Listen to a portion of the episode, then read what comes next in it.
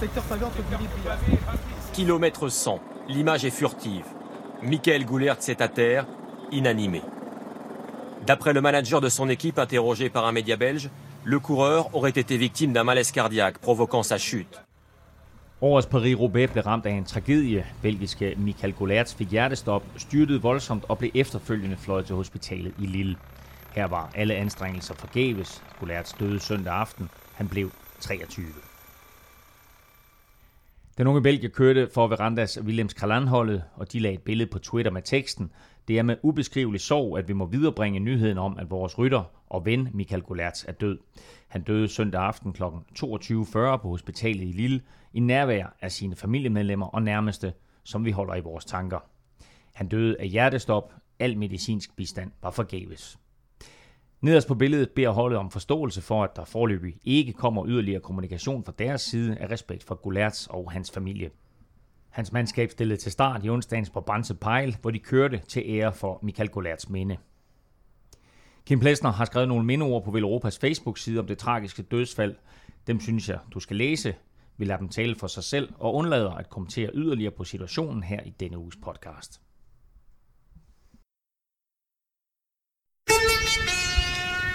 Rodalía. Rodalía.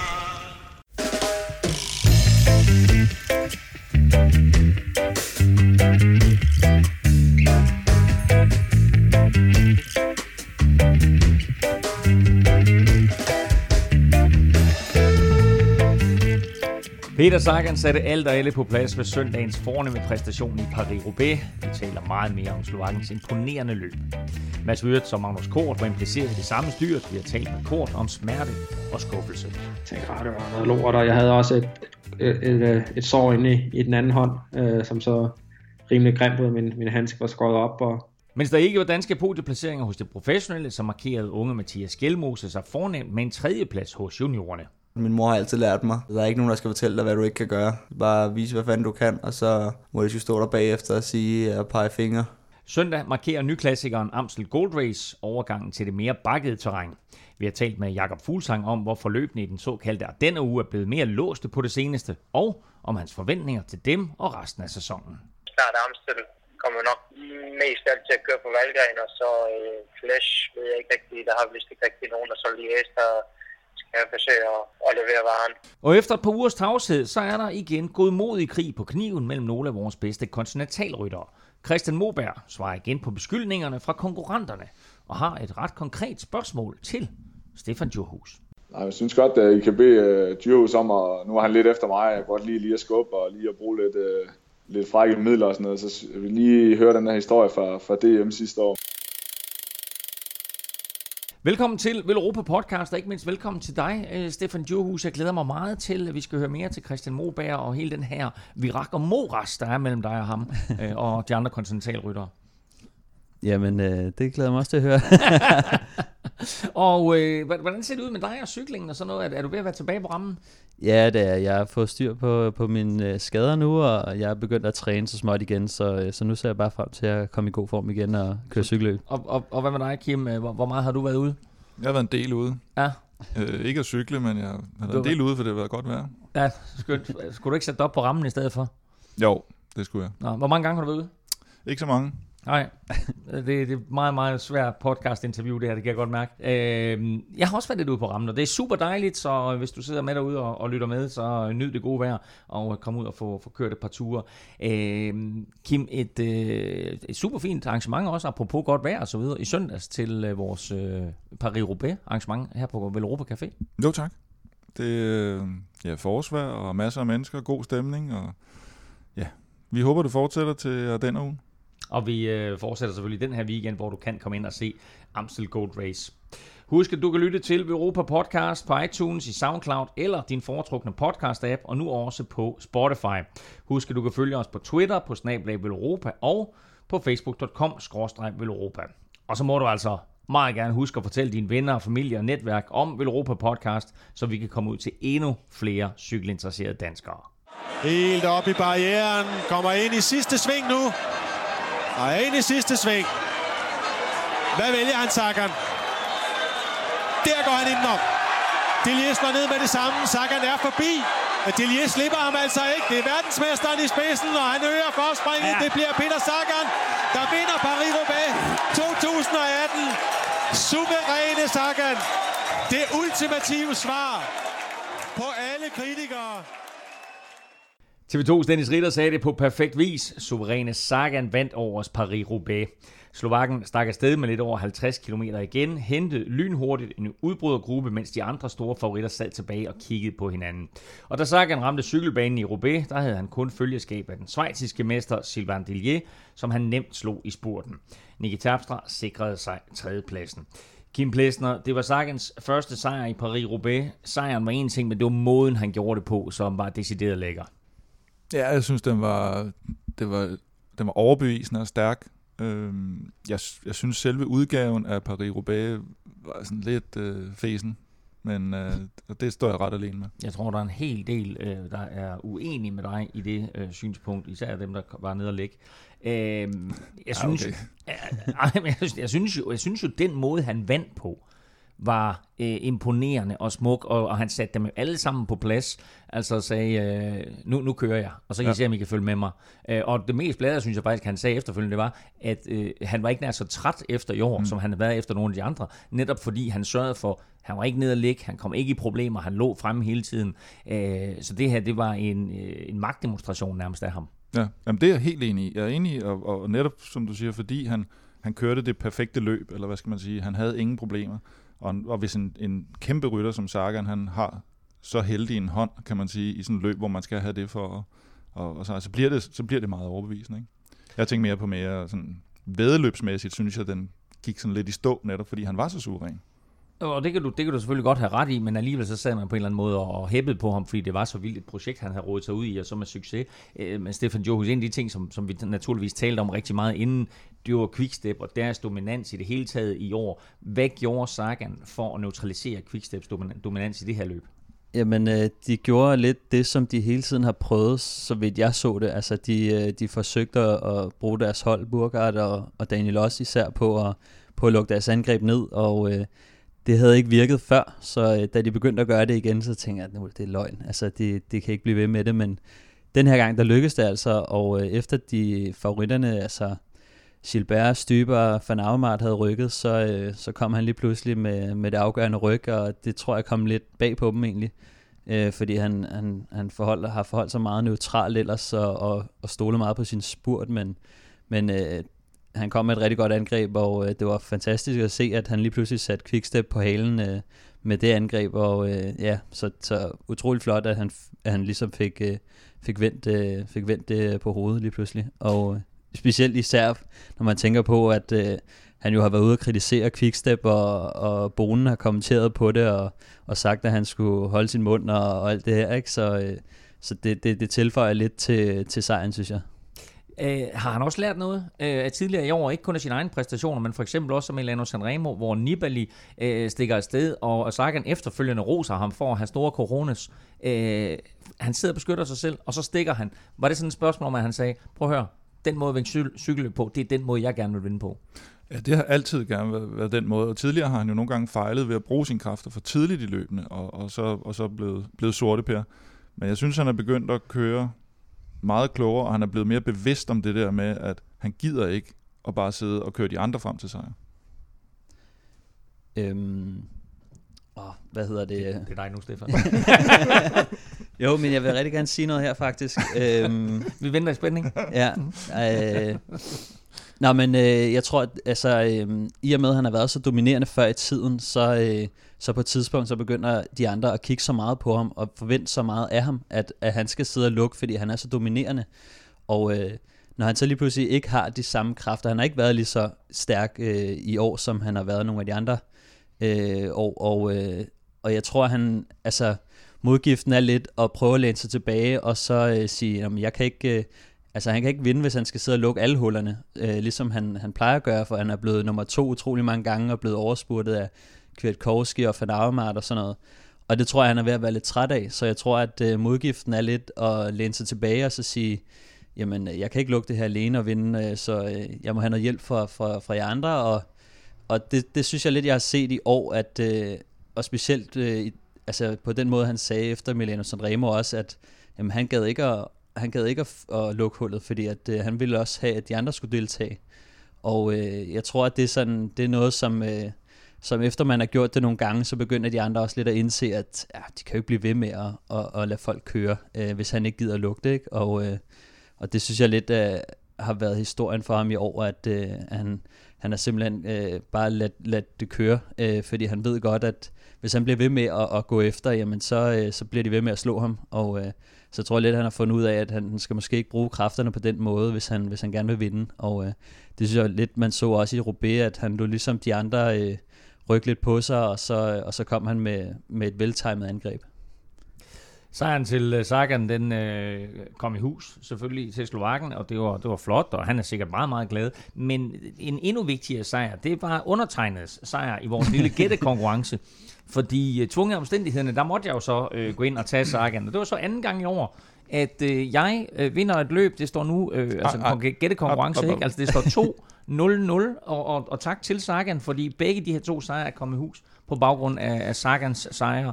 Øhm, jeg betragter mig selv som vært på det her program, og jeg som eksperter, men det kan være, at vi skal vende den om. For det første, så skal vi... Jeg anerkender, at, øh, at du vandt i søndags. Tak, tak. Men den der med 2-0-0, den skal vi lige... Det laver vi lige til næste program, så spoler vi tilbage. Så finder vi klippet, hvor det tydeligt fremgår, at første gang du gætter, at Sagan vinder, der er ja. vi andre slet ikke med.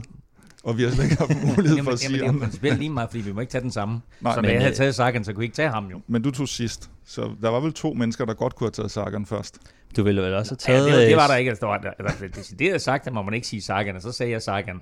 Ikke? Altså, Præcis. Men øh, havde du, ville du ikke også have taget Gilbert i øvrigt? jamen, han var jo væk. Han var jo væk, så, så måtte jeg tage Sagan. Hvem tog Ikke? Gilbert egentlig? Ikke? Men, Men det øh, gør jeg jo. Ja. Okay, hvad hvad var det, han blev? Men han blev der bare et eller andet. Jeg ved, jeg skal... Og du tog Støjven. Ja, kom trods alt på skiltet, da de viste Ej, det- resultatet det- bagefter. Så hvad, blev han? Blev han fire? Femmer? Han blev vist Fire femmer, eller fem, Støjven, tror ikke? jeg. Nå, udover det, så har jeg faktisk en lille quiz til jer. Nå nej.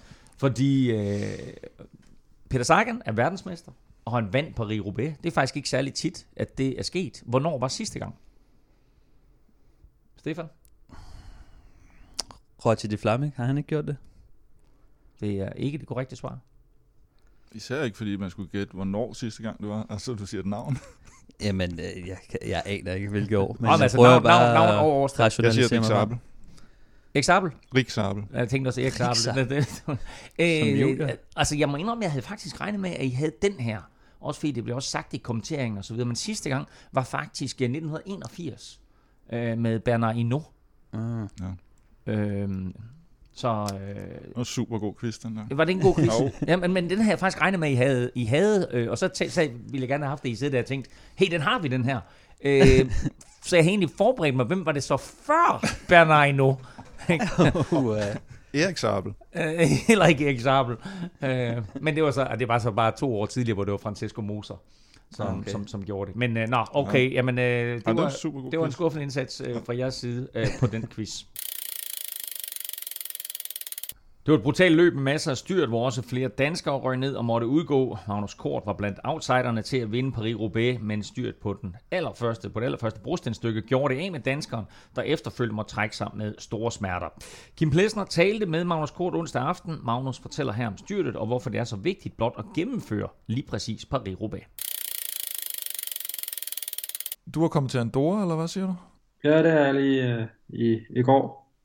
Er det højdetræning, eller er det ferie, eller hvad er det?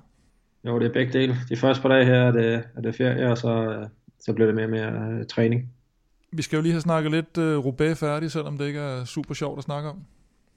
Ja, det, det, det, det er klart. Det gik ikke helt som planlagt. Nej, det gjorde det ikke. Øhm, ja, nu er det lidt bedre, men øh, på dagen, der var jeg godt nok træt af det. Altså, øhm, ja, og måtte forlade løbet, øh, inden det nærmeste startede, ikke? Og kørt 100 km på første øh, bruststykke, og så ligge der i et, i et styrt. Ja, der er ikke, øh, ikke så meget at, at, at, at gøre ved det nu. Nej. Og det var en ordentlig... øh, Det, det, var, det var det der mudrede første stykke, ikke? Som, som tog ret mange ned. Jo, det var det. Ja, der var rigtig, rigtig mange, der, der røg ned, og, og også, øh, også mange, der ikke, øh, ikke kom videre. Inklusive så både mig og, og Mads Wirtz der.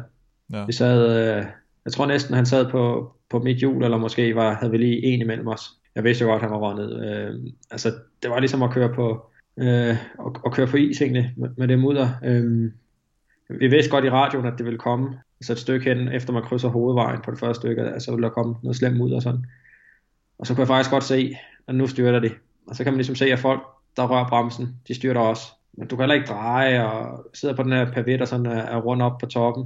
Og jeg tænker egentlig, altså jeg ved godt, jeg skal ikke røre bremsen. Det er ligesom is, ikke? Du skal følge vejen, så hvis du, man kører ud på siden, så skal man dreje mere og mere efter, hvordan den hælder og sådan.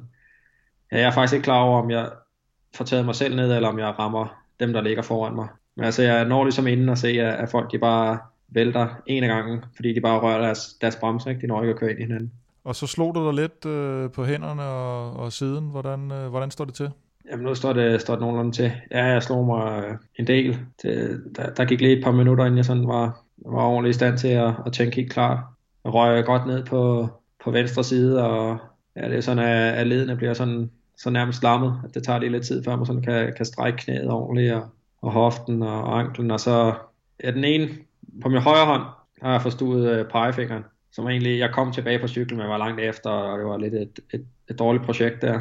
Det, det tog lang tid, vi havde bilnummer, jeg kan ikke huske det, nede i, nede i den sidste halvdel i hvert fald i, i quotation. Øhm, så det tager lang tid før mekanikerne også kommer frem, fordi bilerne kan jo kun sidde på en lang række, og de kan ikke passere os, fordi at, at rytterne ligger over det hele, inklusive mig selv. Så mekanikerne, de skal ud og så løbe det her et par hundrede meter op øh, med, øh, med hjul og, og, og hvad det nu ellers er med. Og han lavede min cykel og tænkte, at det var noget lort, og jeg havde også et, et, et, et, et sår inde i, i den anden hånd, øh, som så rimelig grimt ud, min, min handske var skåret op, og jeg var fuldstændig fyldt med mudder, øhm, og så øh, godt med blod, og jeg tænkte, nej, det, det var ikke, ikke så godt, men, men han sætter mig på cyklen og skubber mig afsted, øh, men der er jeg allerede mange minutter efter. Og jeg kan ikke rigtig med min højre hånd, øh, jeg kan slet ikke holde ordentligt på styret øh, på brostene, altså det ryster for meget. Det virker også som om, at det, at det betød meget for dig, det der med at, at udgå af det. Man kunne godt mærke, at det var det, du også sagde efterfølgende med, nu er der et år til igen, ikke? Altså, hvad, kan, man, kan man beskrive den der lortefølelse, man står med der, altså, bagefter?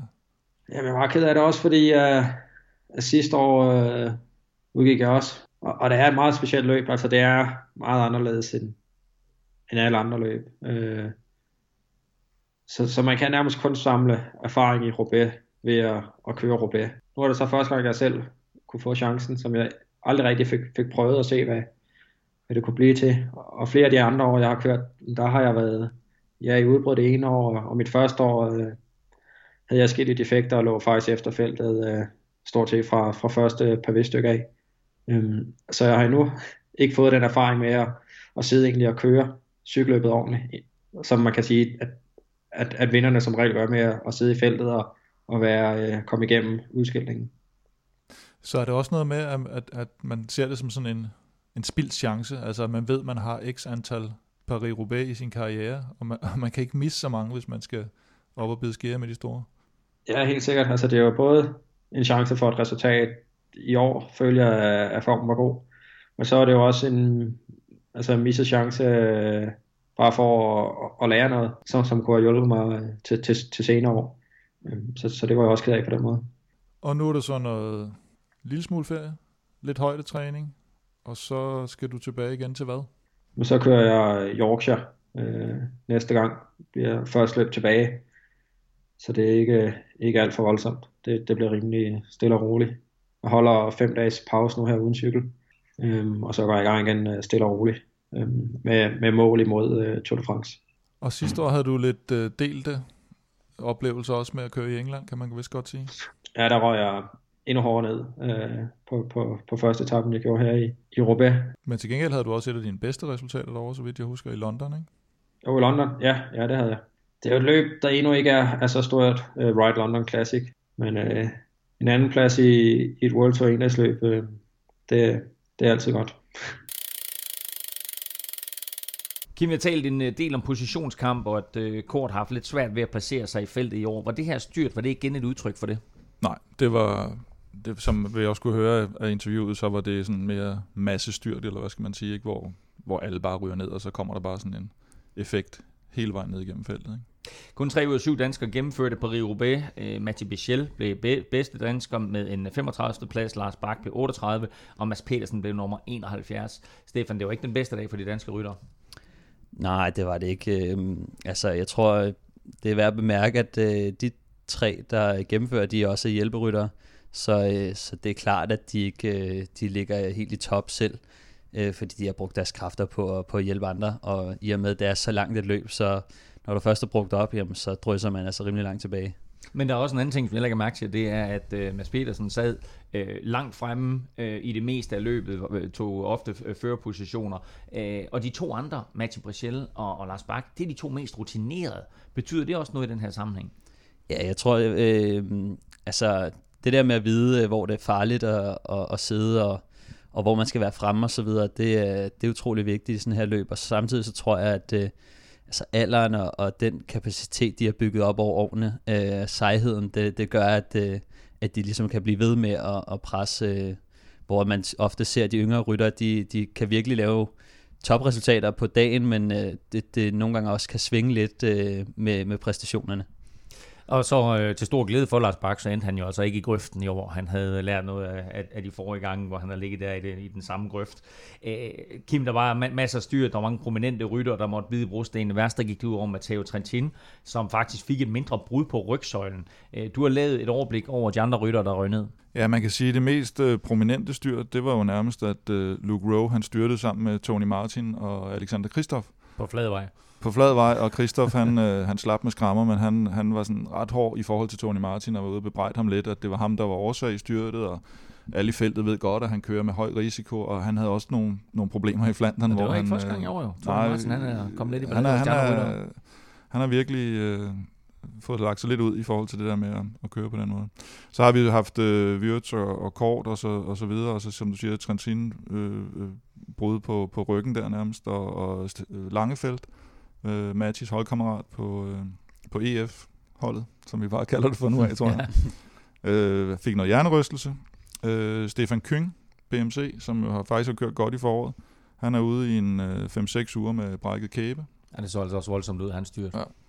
Og så Nelson Oliveira, øh, brækket kravben, klassisk. Øh, og det, det er sådan de, de, de mest om, omfattende. Men altså, er det, er, det, er det rimeligt, Kim, at et løb som det her på Roubaix, at det skal have den slags ofre? Jamen, det får det bare helt automatisk. Jo. Altså, det er jo, det er jo, som vi snakker om i forhold til Sagan, det er også, at det, det handler om at, at simpelthen minimere det. Og hvis du har sådan en dag som Sagan, som man siger, hvor han, altså, han havde ingen, ingen problemer. Altså, det er helt usædvanligt. Fordi normalt har du jo, hvad ved jeg, måske i gennemsnit 1 til 2 til 3 ting, og så kommer du tilbage igen. Øh, og nogle gange så ser man de der, der bare hænger ned, og så kommer de tilbage, og så kommer de tilbage, og så kommer de tilbage. Som alligevel laver et, et fornuftigt resultat, og det hører egentlig bare med. Så det er mere usædvanligt, at Sagan kommer, kommer så helt skinnet igennem, faktisk. Mads Wirtz var den dansker, der gik hårdest ud over. Vi så, at han blev fragtet afsted på en øh, borger og fik fixeret nakken, men øh, heldigvis så meldte Mads Wirtz altså selv ud nærmest samme aften, at øh, alt var okay, og at vi forhåbentlig snart ser ham på cyklen igen. Mange siger, at vi har en gylden generation af cykelryttere lige i øjeblikket, men næste kul er på vej. Den blot 17-årige Mathias Gjelmose Jensen blev nemlig nummer 3 i juniorernes Paris-Roubaix. Tirsdag aften kiggede han forbi Europa Café, og sammen med Kim Plesner kiggede han blandt andet tilbage på indsatsen i løbet. Jeg følte mig godt kørende på PV'erne faktisk fra starten af, og følte mig klar. Øh, at jeg så lige bliver overrasket af to rytter, der kører tidligt i løbet, det ærger mig så lidt, når jeg kan køre fra favoritgruppen til sidst. Men øh, som jeg også sagde til TV2, så er det jo sådan, Roubaix engang er.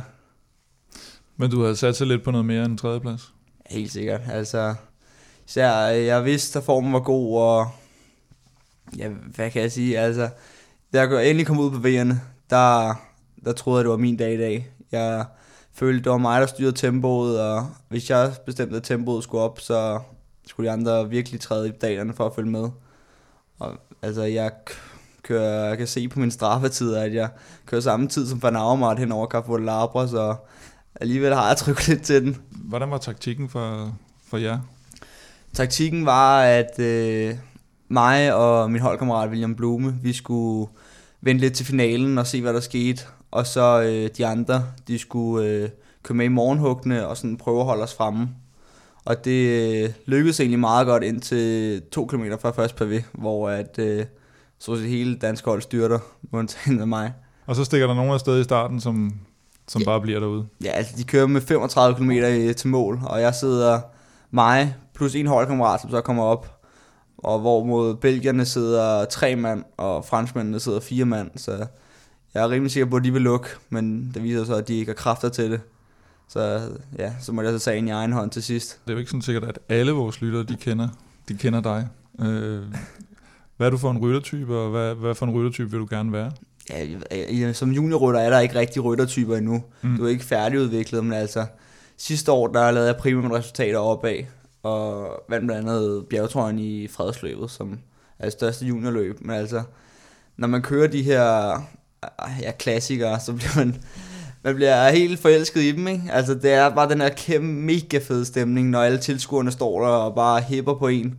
Jeg vejer jo kun de der nogle 60 kilo, så at blive en klassikerrytter, det er nok ikke det, jeg skal satse på, men altså, hvis det kunne lade sig gøre, så er det helt sikkert noget, jeg gerne vil gøre mig godt i.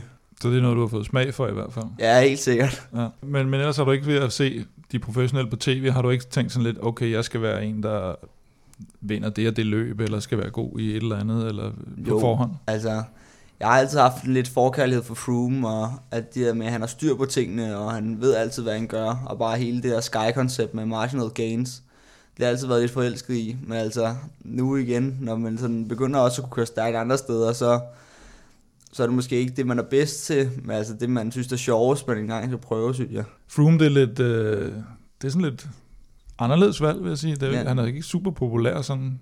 Nej, der er meget. Enten er du for ham, eller så er du imod ham. Og altså, jeg kan meget godt lide det der koncept med, at sådan her skal det være. Altså, vi ved, det virker, og så derfor vi gør det.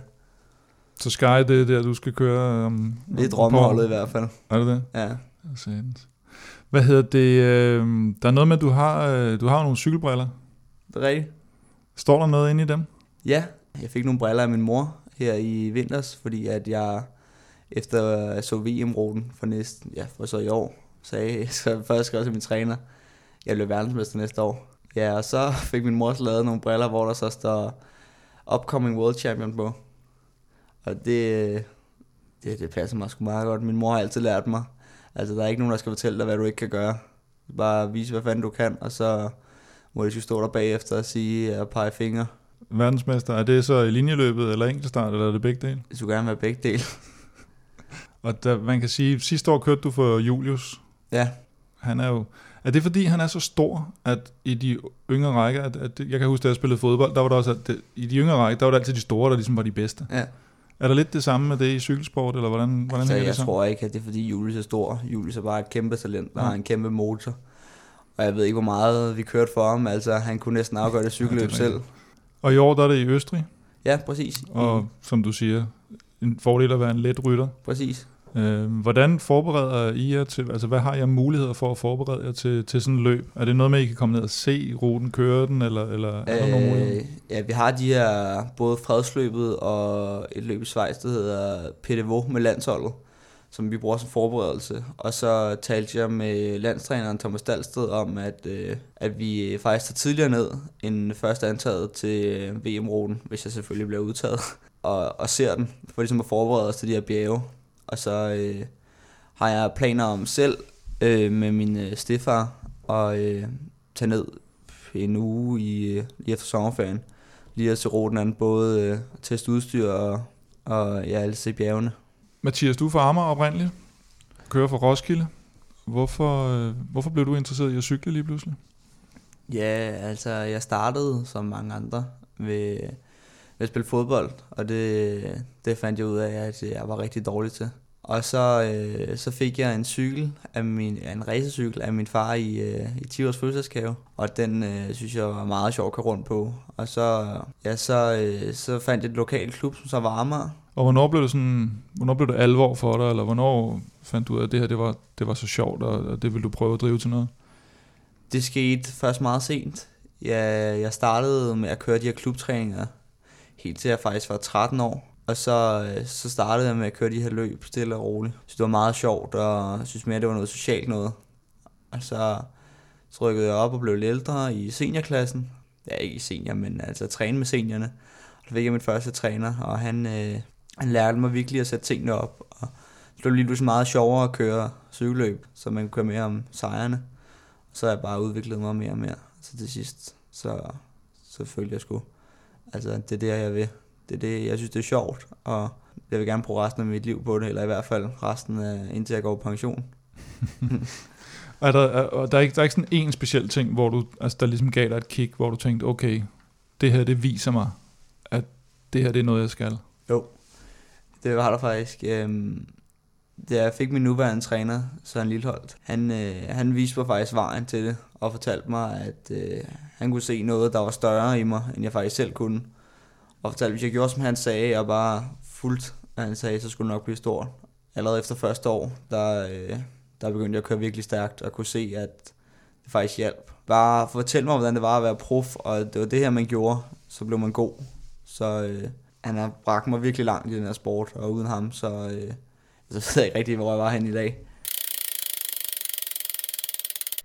Kim, det er nogen dreng det her, med masser af selvtillid. Hvad var dit indtryk af ham?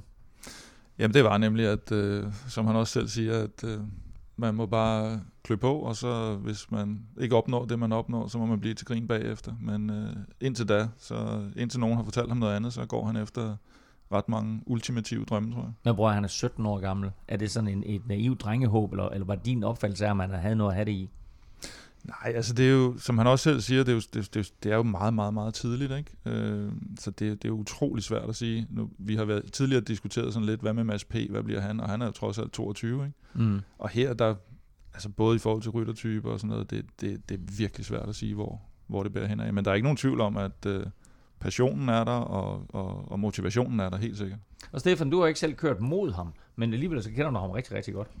Ja, altså han kommer jo fra, fra Amager, hvor jeg også selv øh, startede med at køre, så, så jeg kender ham lidt derudefra, og ja, jeg, jeg har set, at, jeg har set, at han, han vinder nogle cykelløb i, i juniorklassen, og, og nu har han jo også været med på, øh, på vores træningslejr her i år faktisk, hvor han, øh, hvor han kom med som, som gæst og trænede med der, og mit indtryk var, at han kørte skide stærkt faktisk, øh, specielt øh, opad. Øh, så øh, ja, og han bliver tre i Rubé, det, det bevidner også om, at, øh, at han er en af de bedste internationalt øh, lige nu. Så øh, utrolig lovende talent, men øh, ja, som han vist også selv var inde på, så er det utrolig tidligt, og man ved aldrig rigtig, øh, hvor, hvor meget man udvikler sig. Det, det er svært, altså... Øh, det skal, jo, det skal jo blive ved med at udvikle sig, og øh, der er desværre også mange, der, der stagnerer lidt, øh, men, men han har, hvad der skal til øh, indtil videre i hvert fald, så, øh, så, så indtil videre så er der ingen grund til, til ikke at tro på det. Hvis du sammenligner ham sådan lidt med, med, med den generation, vi har i øjeblikket, og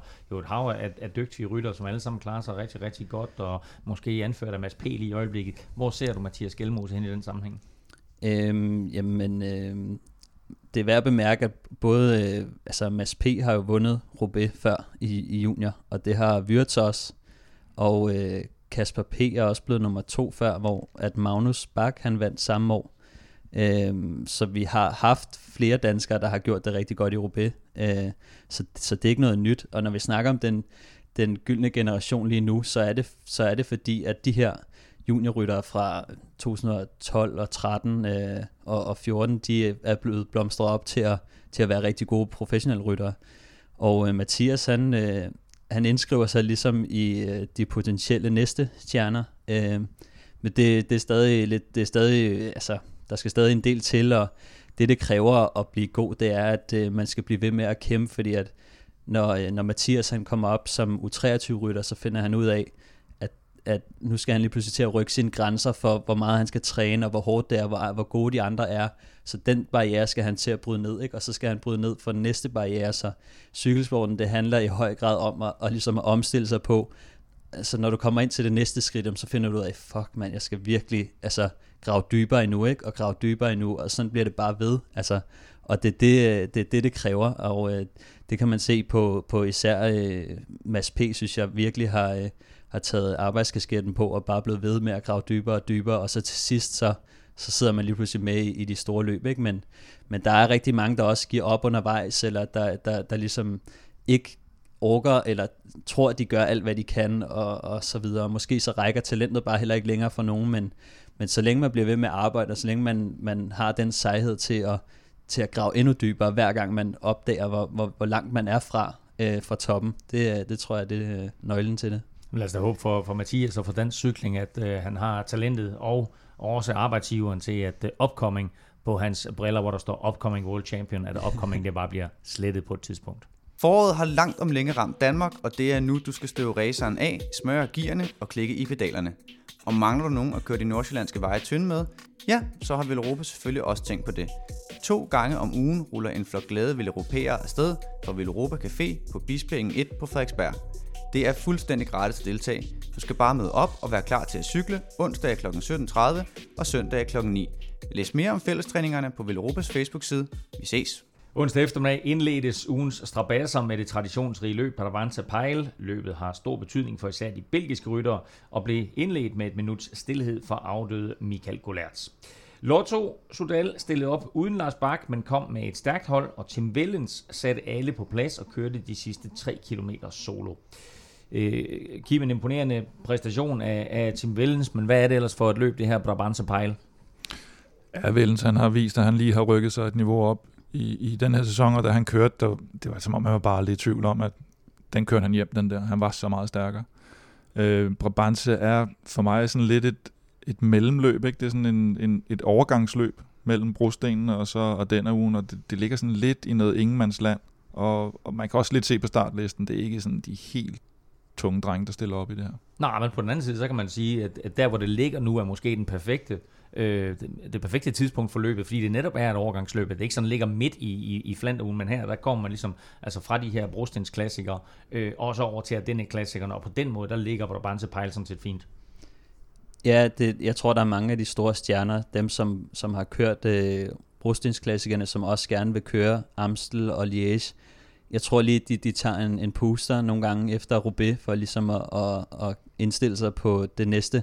Og der kommer Brabantse Pejl måske lige en anelse for tidligt øh, efter Roubaix. Så jeg tror, det er derfor, at, at der er mange af de store stjerner, som, øh, som, som lige venter til, til Amstel. Vi har fire danskere til start. Christoffer Juhl for Mitchelton Scott og Kasper Askren for Quickstep. De viste sig begge frem øh, på fornemvis i løbet, mens Lasse Norman og Kasper Petersen fra Aqua Blue Sport var mere anonyme. På søndag markeres skiftet sådan rigtigt fra brostensklassikerne til Ardenner-klassikerne, når den store ølklassiker Amstel Gold Race bliver kørt i Holland. 260 km på små, snoede veje, korte, skarpe stigninger og en ordentlig røvfuld rundkørsler og helleanlæg venter rytterne. Kim, du har sådan et lidt specielt forhold til det her løb. Hvad går det ud på? Jamen, det går egentlig ud på, at, at det bliver mange gange sådan betragtet som værende med i nærmest monumentstørrelse og, og virkelig stor klassiker, og, og der synes jeg, når man først starter i 60'erne, så, så kan man ikke være med der, og så er jeg også lidt imod, at det starter allerede med at have sponsornavn fra starten og sådan noget, det, ja, det, og, og det hedder også, at det er med i den ugen, at det bliver kørt i Limburg og sådan noget. Der, der er utrolig meget forkert ved det løb der. Det er, som du siger, kørt siden 1961 og frem til 2003, der bød ruten på et langt, fladt stykke ind mod mål i Maastricht. Blandt andet i 1997, hvor Bjarne Ries han vandt løbet. Fra 2003, der lagde hollænderne ruten om, så det sluttede op af den frygtede stigning Kauberg, lige ind til sidste år, hvor afslutningen igen blev flyttet til et mere fladt terræn for at skabe en mere åben finale. Det passede Philip Gilbert og Michael Kwiatkowski helt fint. De to klasseryttere stak afsted for de andre favoritter og kom alene til mål. 300 metres to go. Kwiatkowski in front opens up a very, very big gap, and Gilbert, I think, is probably not going to be able to live with him. We shall see, but here comes Gilbert now gaining. Gilbert, has he timed it right? He might well have done. Gilbert on the right side coming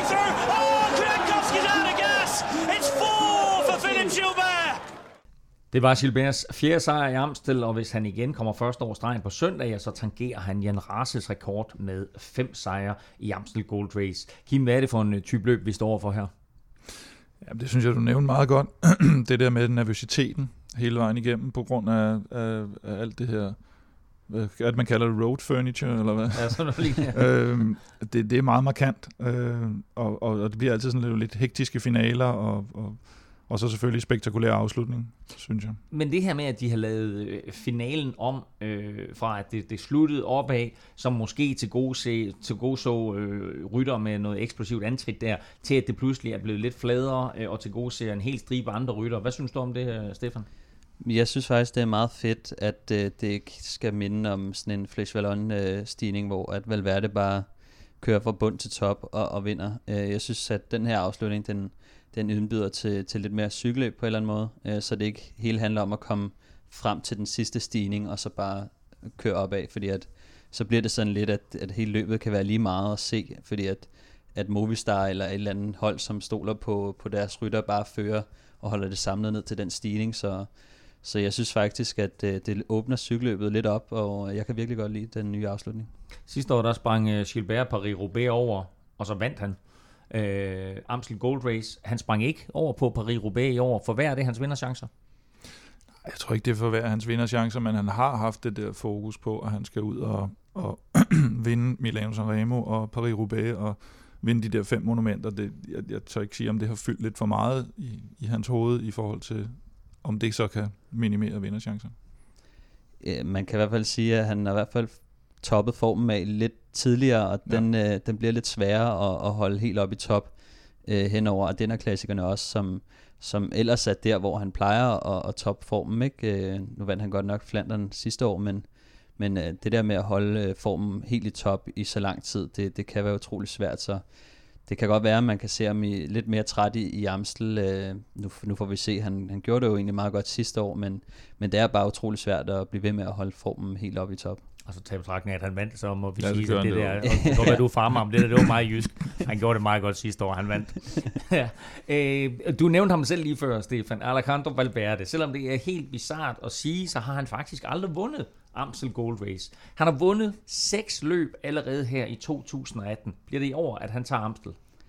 Ja, nu har han jo selv øh, sagt, at øh, hvis han øh, har fronten med 200-250 meter, så, øh, så bliver det meget svært at slå ham. Og øh, det, er, det er lidt en, øh, en, det er noget af en udmelding, ikke? Og, øh, jeg tror helt sikkert, at han, at han vil være der. Han har et godt hold, øh, og øh, det, han skal nok være der på en eller anden måde. Så må vi se, om, om der er nogle af de andre, der kan slå ham. Øh, der, der er selvfølgelig også, øh, Alaphilippe har også øh, kørt rigtig stærkt, så ja, det, det bliver spændende at se, men jeg tror faktisk, han er, han er manden at slå. Kim, øh, du laver selvfølgelig stjerner som så vanligt til, til Amstel Gold Race. Hvornår skal vi forvente at se dem? Ja, men det bliver nok lørdag som, øh, som så vanligt. Der kommer sådan 5, 4, 3, 2, 1. Har du sådan en, en idé om, hvem du har oppe på de fem stjerner? Nej, jeg er ikke, øh, ikke, øh, ikke, ikke helt ligesom i, i, i de andre Nej. i de andre tilfælde. Og der er det dejligt, at vi så har en ekspert rent faktisk i ja. studiet, der er forberedt. Stefan, ja. du har nemlig lavet din stjerneliste. ja, jeg har forberedt mig lidt. Alt for tidligt.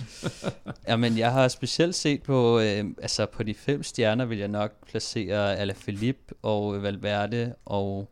Han hedder altså Alan Philippe. Alan Philippe, som Lars Bak øh, Sammen med Kwiatkowski og Van Avermaet. Og fire stjerner?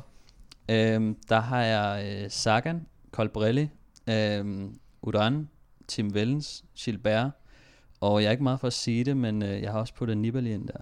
Øj. Men det er ikke der, så mange. Men der er også mange har, stjerner. Der er ikke så mange, du har på fire Kim, man nøjes jo kun med tre på hver stjerneniveau. Jamen, det er rigtigt. Hvor har vi den første dansker? Vi har øh, Valgren på tre stjerner faktisk, sammen med Dylan Toynes og Beno og øh, Nathan Haas. Og så vi har, en stjerne til resten af feltet.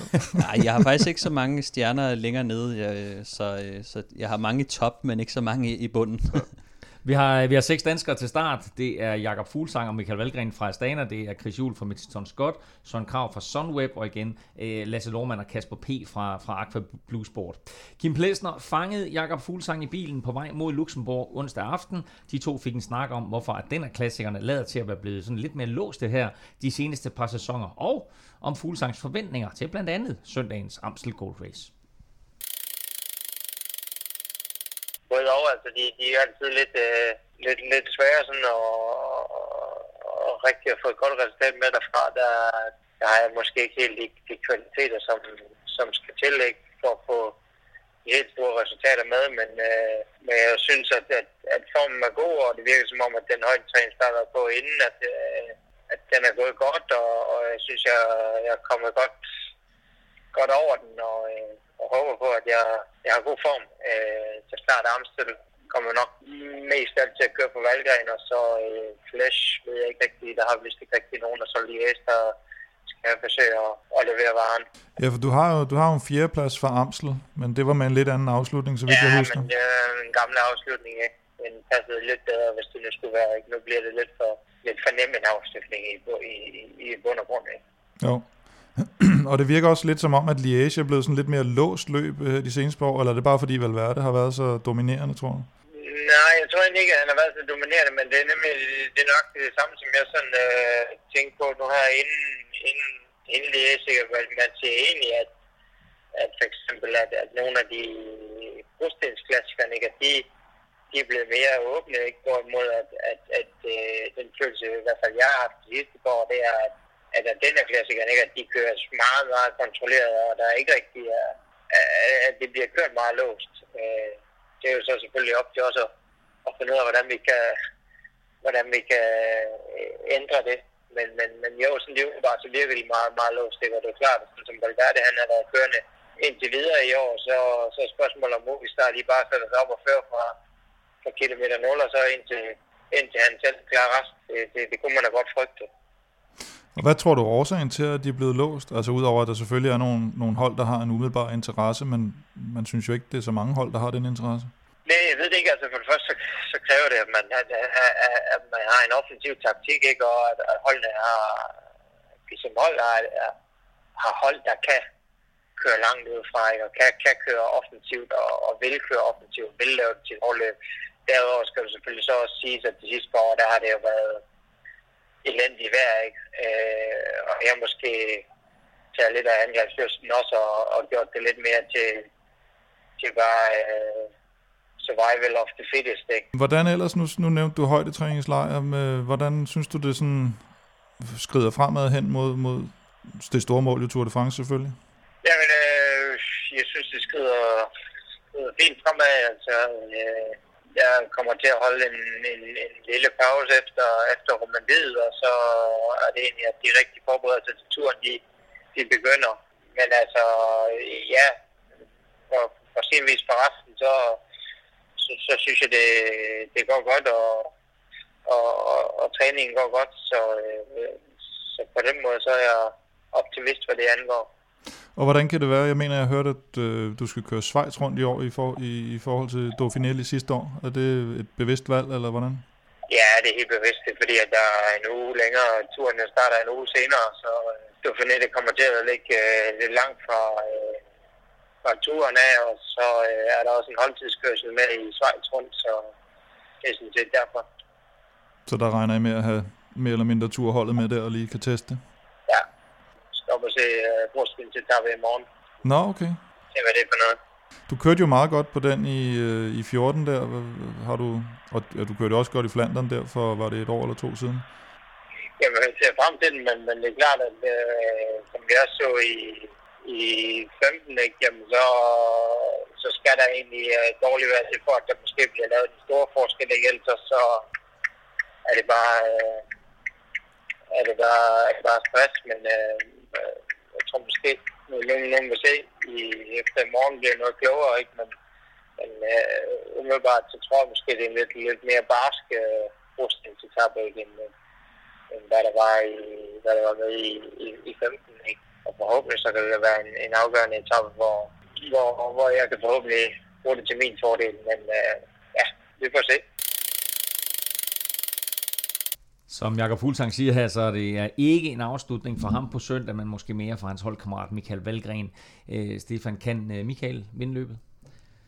Ja, det kan han godt faktisk, specielt med den nye afslutning. Øhm, jeg glæder mig rigtig meget til at se, øh, hvor godt han kan sidde med øh, med de store stjerner på bakkerne. Og ja, han har faktisk en chance, men igen så vil jeg vurdere, at han er, han er lige et niveau under de allerbedste, men, øh, men men hvis det ikke bliver en helt øh, decimeret øh, tremandsgruppe eller sådan noget, der kommer til mål, så, så tror jeg faktisk, at han har en chance. Jeg talte med, med Michael Valgren i, i telefonen i aftes, og øh, altså dejligt, dejligt uddansk, så siger han, jeg går efter at vinde. Alt andet vil være uambitiøst. Så altså, han tror på sig selv, og han tror på sine ben. Uh, han har holdt fri her i halvanden uge, og har været hjemme i Danmark, uh, og som han sagde til mig, han har trænet 5-6 timer om dagen. Uh, han holdt to dage fri, og så træner han ellers sådan et sted mellem 25 og 30 timer derefter. Så han har bare en gode ben i øjeblikket, Kim, og masser af motivation, og selvfølgelig efter omløb, sejren i omløb, der har han masser af tro på sig selv. Jo, og så er han blevet nummer to tidligere i Amstel, så man kan sige... Hvis Men der, han... der, der sluttede det jo opad jo.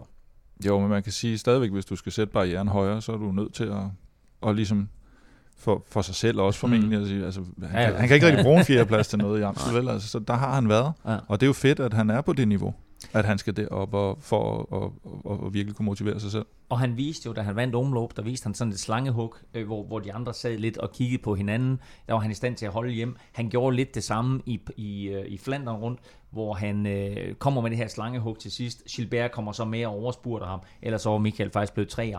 Øh, men det er vel hans chance, Stefan, det er, at de andre sidder lidt og lurepasser på hinanden, og så har han det her eksplosive antrit. Ja, præcis. Altså, Valgren han har jo ikke den bedste spurt, så, så hvis han skal vinde, så er det altså måden at gøre det på, fordi at der er så mange, altså for han slæbt Valverde eller Philippe øh, Gilbert med til stregen, jamen så, så bliver det meget svært at vinde, så det er klart, at han skal op. selvfølgelig Allan Philippe. Allan Philippe, ja. øh, så det er klart, at, at skal han vinde, så skal han prøve at, at stikke afsted på de her momenter, som, som kommer lige inden øh, spurten. Øh, og øh, sidder han der, så skal vi nok øh, forvente, at, øh, at han prøver det igen, øh, fordi det, det virker til at være måden, øh, han vinder på. Vi skal til det igen, altså, hvis, hvis I tør, I to, fordi det står som sagt 2-0-0 i vores lille øh, gætten vinder konkurrence her.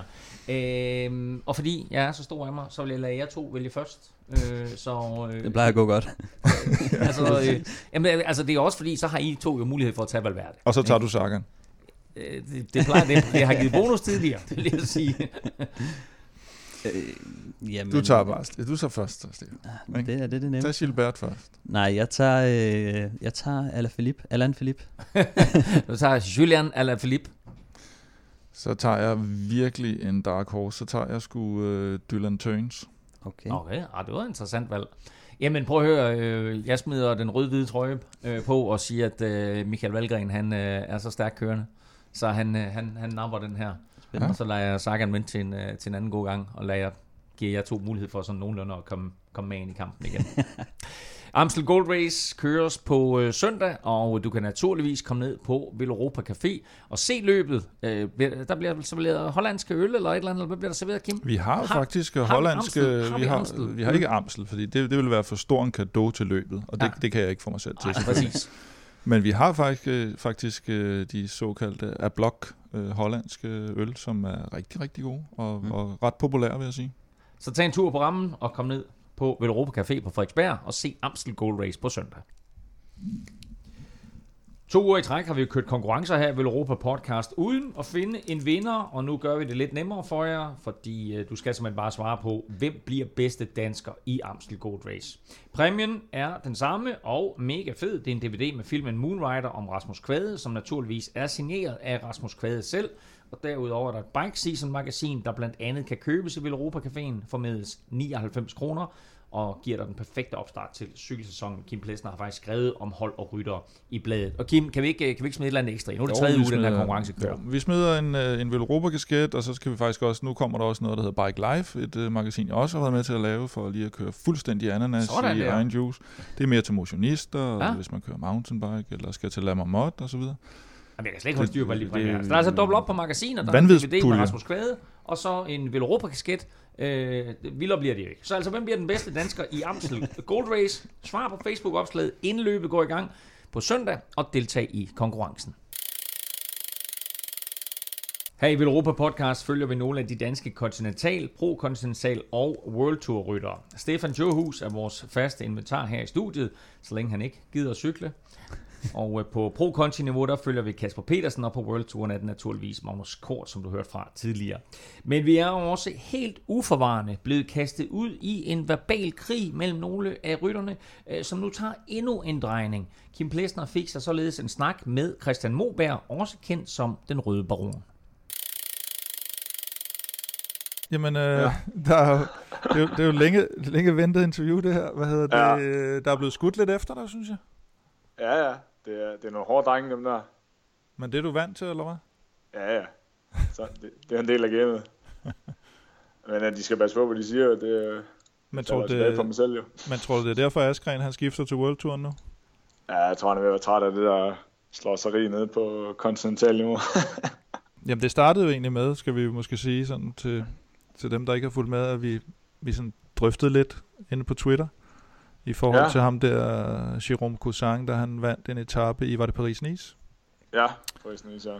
Hvor han, øh, han lå lidt og fedtede den i, i et par omgange, og så, så mente du, at det, sådan var gamet jo, og, og så kom der lidt frem, at, at nogen, nogen mener måske, at, at du også har en tendens til at, at vinde dine sejre sådan. Er det rigtigt nok?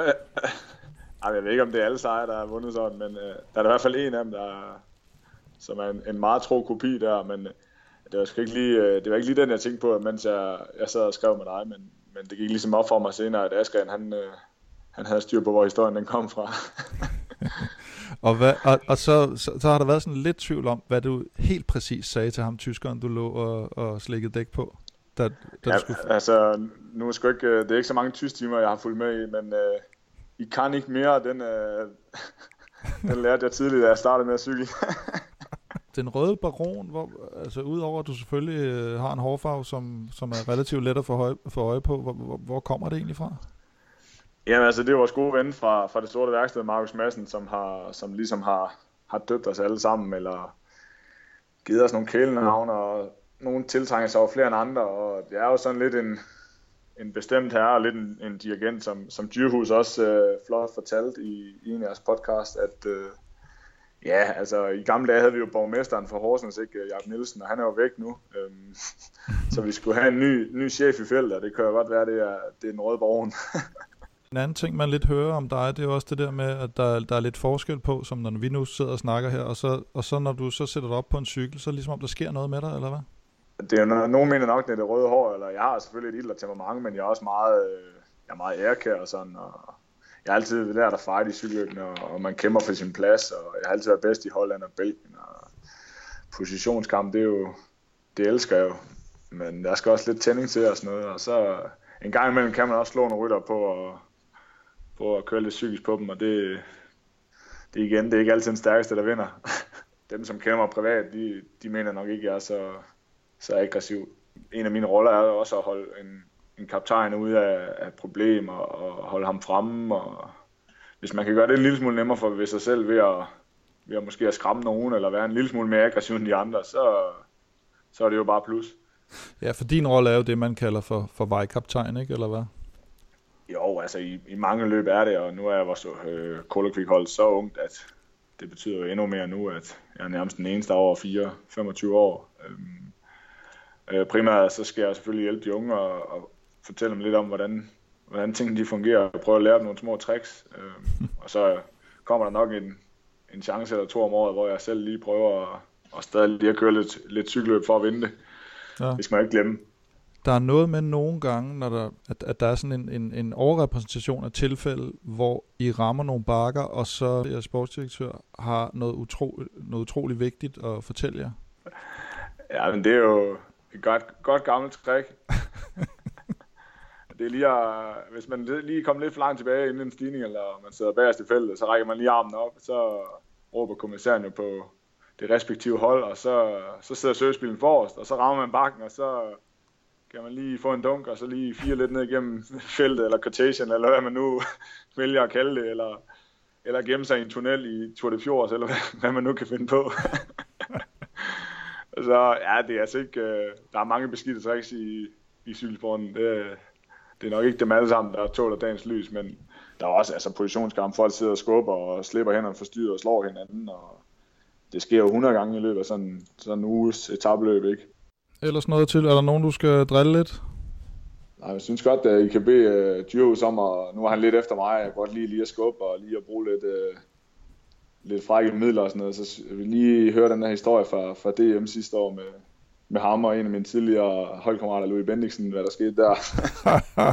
den tror jeg godt, vi har, øh, den har vi vist haft drøftet lidt. Ja, den har jeg hørt. Men uh, jeg er ikke sikker på, at den har været, den har været offentliggjort endnu, så det Nej. kan da godt være, at uh, det kan godt være, at vi skal spørge ham om det. Ja, var lige om, ad, om, øh, om de blev gode venner, eller om Blautun han har fået dem skilt ad, eller hvordan de lige... om det er sportsdirektøren, der slår sig næste gang, eller hvordan det er, den boksekamp, den skal afgøres. Øh, Stefan, øh, det, hvordan, altså, lad, lad os lige få et svar på det der. Altså, øh, ikke kun verbal krig, men også altså, nærmest øh, gemen håndfight. Øh, ja, det vil jeg ikke sige, det var tæt på. Nu, øh, nu har jeg jo sagt, at Moberg han ofte øh, slynger lidt rundt og, og, og langer nogle, øh, nogle albuer ud af noget, men øh, der var også den til det med, det er rigtigt. Øh, jamen, det der skete, det var egentlig, at, øh, at jeg havde sådan lidt en, en fight med Louis, som startede tidligt i løbet. Øh, det var, det var noget med, at jeg, øh, vi havde skubbet lidt til hinanden, og jeg var prøvet at gå i udbrud et par gange, hvor han kørte med, men han ville fandme ikke til nogen føringer, og øh, det irriterede mig ret meget, så jeg fik øh, svinet ham lidt til, og, og så senere i løbet, så, øh, så, så skulle jeg frem i feltet, fordi at øh, der skulle til at komme noget sidevind, og øh, i det jeg så kører frem, så, øh, så får vi skubbet lidt til hinanden lige ind et sving, og øh, vi committer bare begge to fuldt ud til, at nu kommer vi først ind i det her sving. Og øh, så øh, jeg har inderbanen, og så skrider cyklen bare, og så, så flyver jeg direkte ind i Louis, og vi ligger og råder rundt ude i, i busken, og inden jeg får rejst mig op, så står Louis over mig og, øh, og skubber til mig, og så, så ryger jeg lige op og skubber tilbage, og det var lige ved at udvikle sig. Øh. Er det sådan en rigtig cykelrytterfight, som, som vi kender det fra Tour de France? ja, der blev ikke kastet nogen øh, hjul eller noget øh, cykler den her gang, men, øh, men jo, det var, det var tæt på at, og, øh, og eskalere, og så kom øh, Blausund og, øh, og gummisko øh, Christian Andersen øh, løvende ud, og, og ja, så da, da jeg kom tilbage i feltet efter noget tid, eller vi begge to kom tilbage, så sad de andre og, og hyldede af, af grin, fordi at de havde jo set, og de havde set mig og Louis stå der og skubbe til hinanden i vejkanten, så, øh, så ja, det, men, men jo, altså... Jeg, er I gode igen? Ja, det er mig og Louis, vi har jo trænet meget sammen også før i tiden, så, så det var lige lidt knas i, uh, i træningsgruppen. det er dårligt stemning i bussen. Ja, det var lidt, men altså, vi, vi er sgu kommet over det nu, og, og vi snakker fint sammen igen, så, så det er fint nok. Det er lige indtil næste gang, det sker igen, ikke? Prøv at, uh, super fedt, uh, Stefan. Uh, tusind tak for den historie, og tusind tak for i dag. Ja, selv tak. Og også naturligvis tak til dig, Kim Plæsner, i tophumør som altid jo. Sådan. Skulle du derude have lyst til at hjælpe Vel Europa Podcast, så gå ind og like os på iTunes, og skriv gerne lige et lille review, mens du er der. Det kan Apple-drengene rigtig godt lide, og det giver os altså mulighed for at komme ud til endnu flere cykelfans. Husk, at du kan skrive til os på podcast eller via Twitter. Bare brug hashtag Podcast. Og skulle du ud have lyst til at se cykelløb sammen med andre cykelfans i weekenden, så husk at komme ind forbi på søndag på Europa Café på Frederiksberg til Amstelt Gold Race. Sagde Amstelt. Ja, det, gør, det Am, jeg. Am, Amstel Gold Race. Amstel. tak for nu. Tak fordi du lyttede med. Vi høres ved. Og til Michael Golerts. Hvil i fred. Rød på rampé.